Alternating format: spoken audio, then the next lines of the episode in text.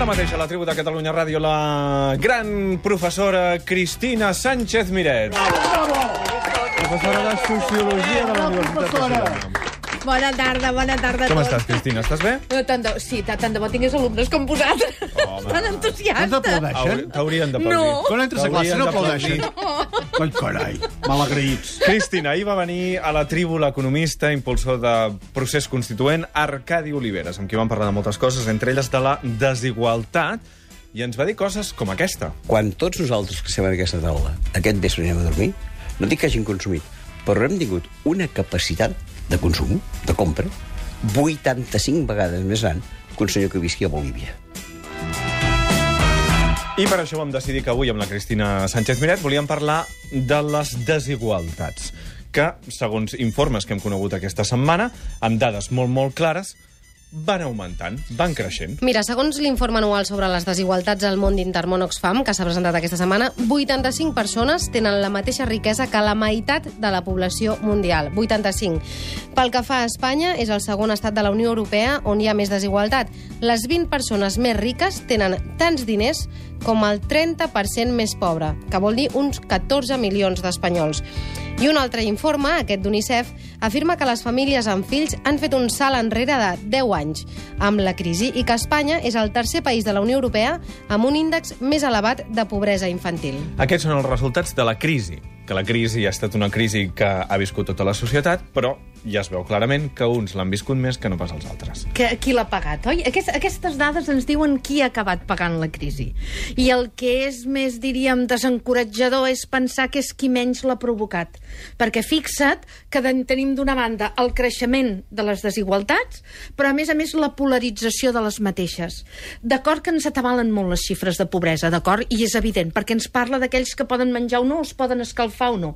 Però des del punt de vista de l'anàlisi és molt important veure com, com, com es polaritzen, com augmenten les distàncies. Això ens, ens explica com està funcionant el nostre món.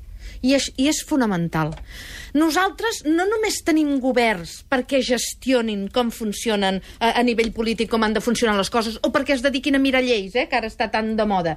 Tenim governs, des de que diem que estem en estats de benestar, perquè facin disminuir la desigualtat perquè aquestes polaritzacions no només no es produeixin, sinó que disminueixin. Ara bé, penseu una cosa, mentre no hi havia crisi, ja augmentaven. Ja augmentava aquesta diferència. No es veia perquè tots menjàvem, per dir-ho d'alguna manera, que segueix sent mentida, eh? tots menjàvem, perquè ja veiem gent a la que no miràvem, perquè no eren com nosaltres, que estaven demanant pels llocs o que tenien dificultats importants. És veritat que ara, a més a més, la pobresa s'ha fet més extensa, més severa i, i, i molt més evident, però això no és nou en el nostre món. La democràcia significa que allò que vol la majoria esdevé, en teoria. Sí. Com és que esdevé allò que vol una minoria? Que és que aquests, els que són molt, molt, molt, molt rics, van creixent la seva riquesa, riquesa i la resta, doncs no. Cada vegada més pobres. Mira, la, la resposta és tan senzilla que es garrifa, perquè els governs ho permeten. Ens diuen tot el contrari. Penseu una cosa, cada vegada que ens parlen de l'interès general... Eh, eh, Tremoles. Eh, sí, tremoleu, o sigui, m'ho has tret de la boca perquè no sabia ara quina paraula fer servir, eh? Eh, eh, eh, eh, ens ha de fer por. És el que ha passat amb la banca, és el que ha passat amb el rescat a la banca. Els governs permeten que els aquells que tenen poder l'exerceixin l'exerceixin per sobre del poder polític. Perquè una cosa és tenir poder econòmic, mm. però això que diem de que el mercat mana, mana si el govern deixa que el mercat mani. I fixeu-vos que nosaltres hem tingut el mateix tipus de polítiques o tan nefastes per la ciutadania i havent-hi un, gover un govern de dretes o un, eh, ja dic suposadament, eh, de dretes i d'esquerres. Perquè primer el vam tenir d'esquerres i després de dretes. El govern tolera eh, la voluntat dels mercats, diguem-ho així. Com és que la ciutadania tolera la voluntat dels governs? D'acord. No, una cosa i prou, Xavi. No només la tolera, sinó que la fa possible. La fomenta. La fomenta, mm. amb les lleis que acaba aprovant. De l'altra, què és el que ens passa a nosaltres? Mireu, jo crec que amb això hem de tornar a Marx. I que ningú s'espanti si no és marxista, d'acord? Ai. No es tracta de ser marxista o no. Marx ho deia molt bé, la falsa consciència de classe. Què vol dir això?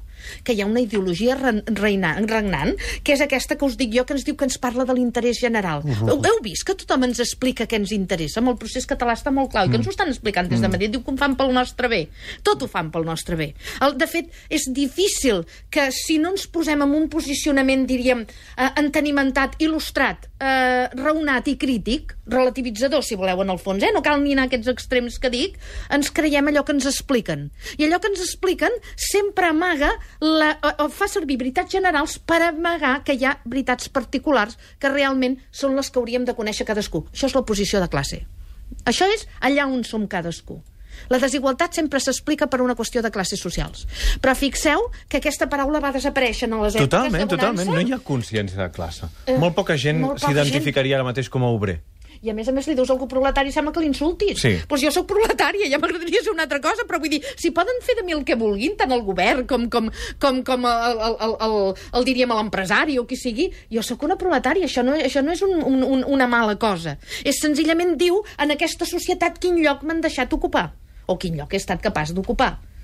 Realment, si tu dius que s'ha de recuperar la consciència de classe um, per donar la volta a aquestes desigualtats i per canviar les polítiques, perquè hi hagi una ciutadania més vigilant a les decisions que prenen els governs, sembla que aquest discurs sigui antic, sigui passat, sí, sigui sembla, tronat. Sembla molt antic. Jo, jo ja faig cara d'antiga, eh? Però vosaltres sabeu quant de temps he estat parlant de classes socials quan ningú parlava de classes? Mm. I ara està de moda i tothom parla de classes sense saber de què parla.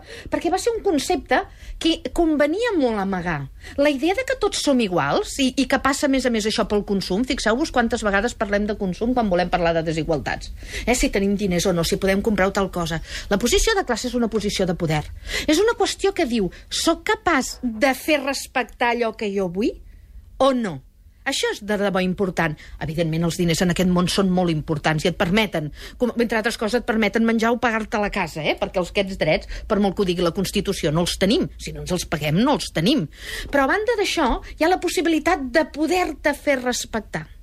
I això passa per la posició de classe. Sí que és cert que no només passa per la, posició, per la posició de classe. També hauríem de parlar de gènere, de desigualtats de sexe, o de, de, de si tens la carta de ciutadania o no. Digue-los Sí, digue sí, als sí. immigrants, que encara, diríem, ho tenen pitjor que nosaltres, perquè ni tan sols potser poden obrir un negoci o, o espavilar-se en, en un altre aspecte. Cristina, em queden 30 segons, però aquesta tendència que es dona a Espanya d'augmentar les diferències és una tendència mundial? Sí, sí.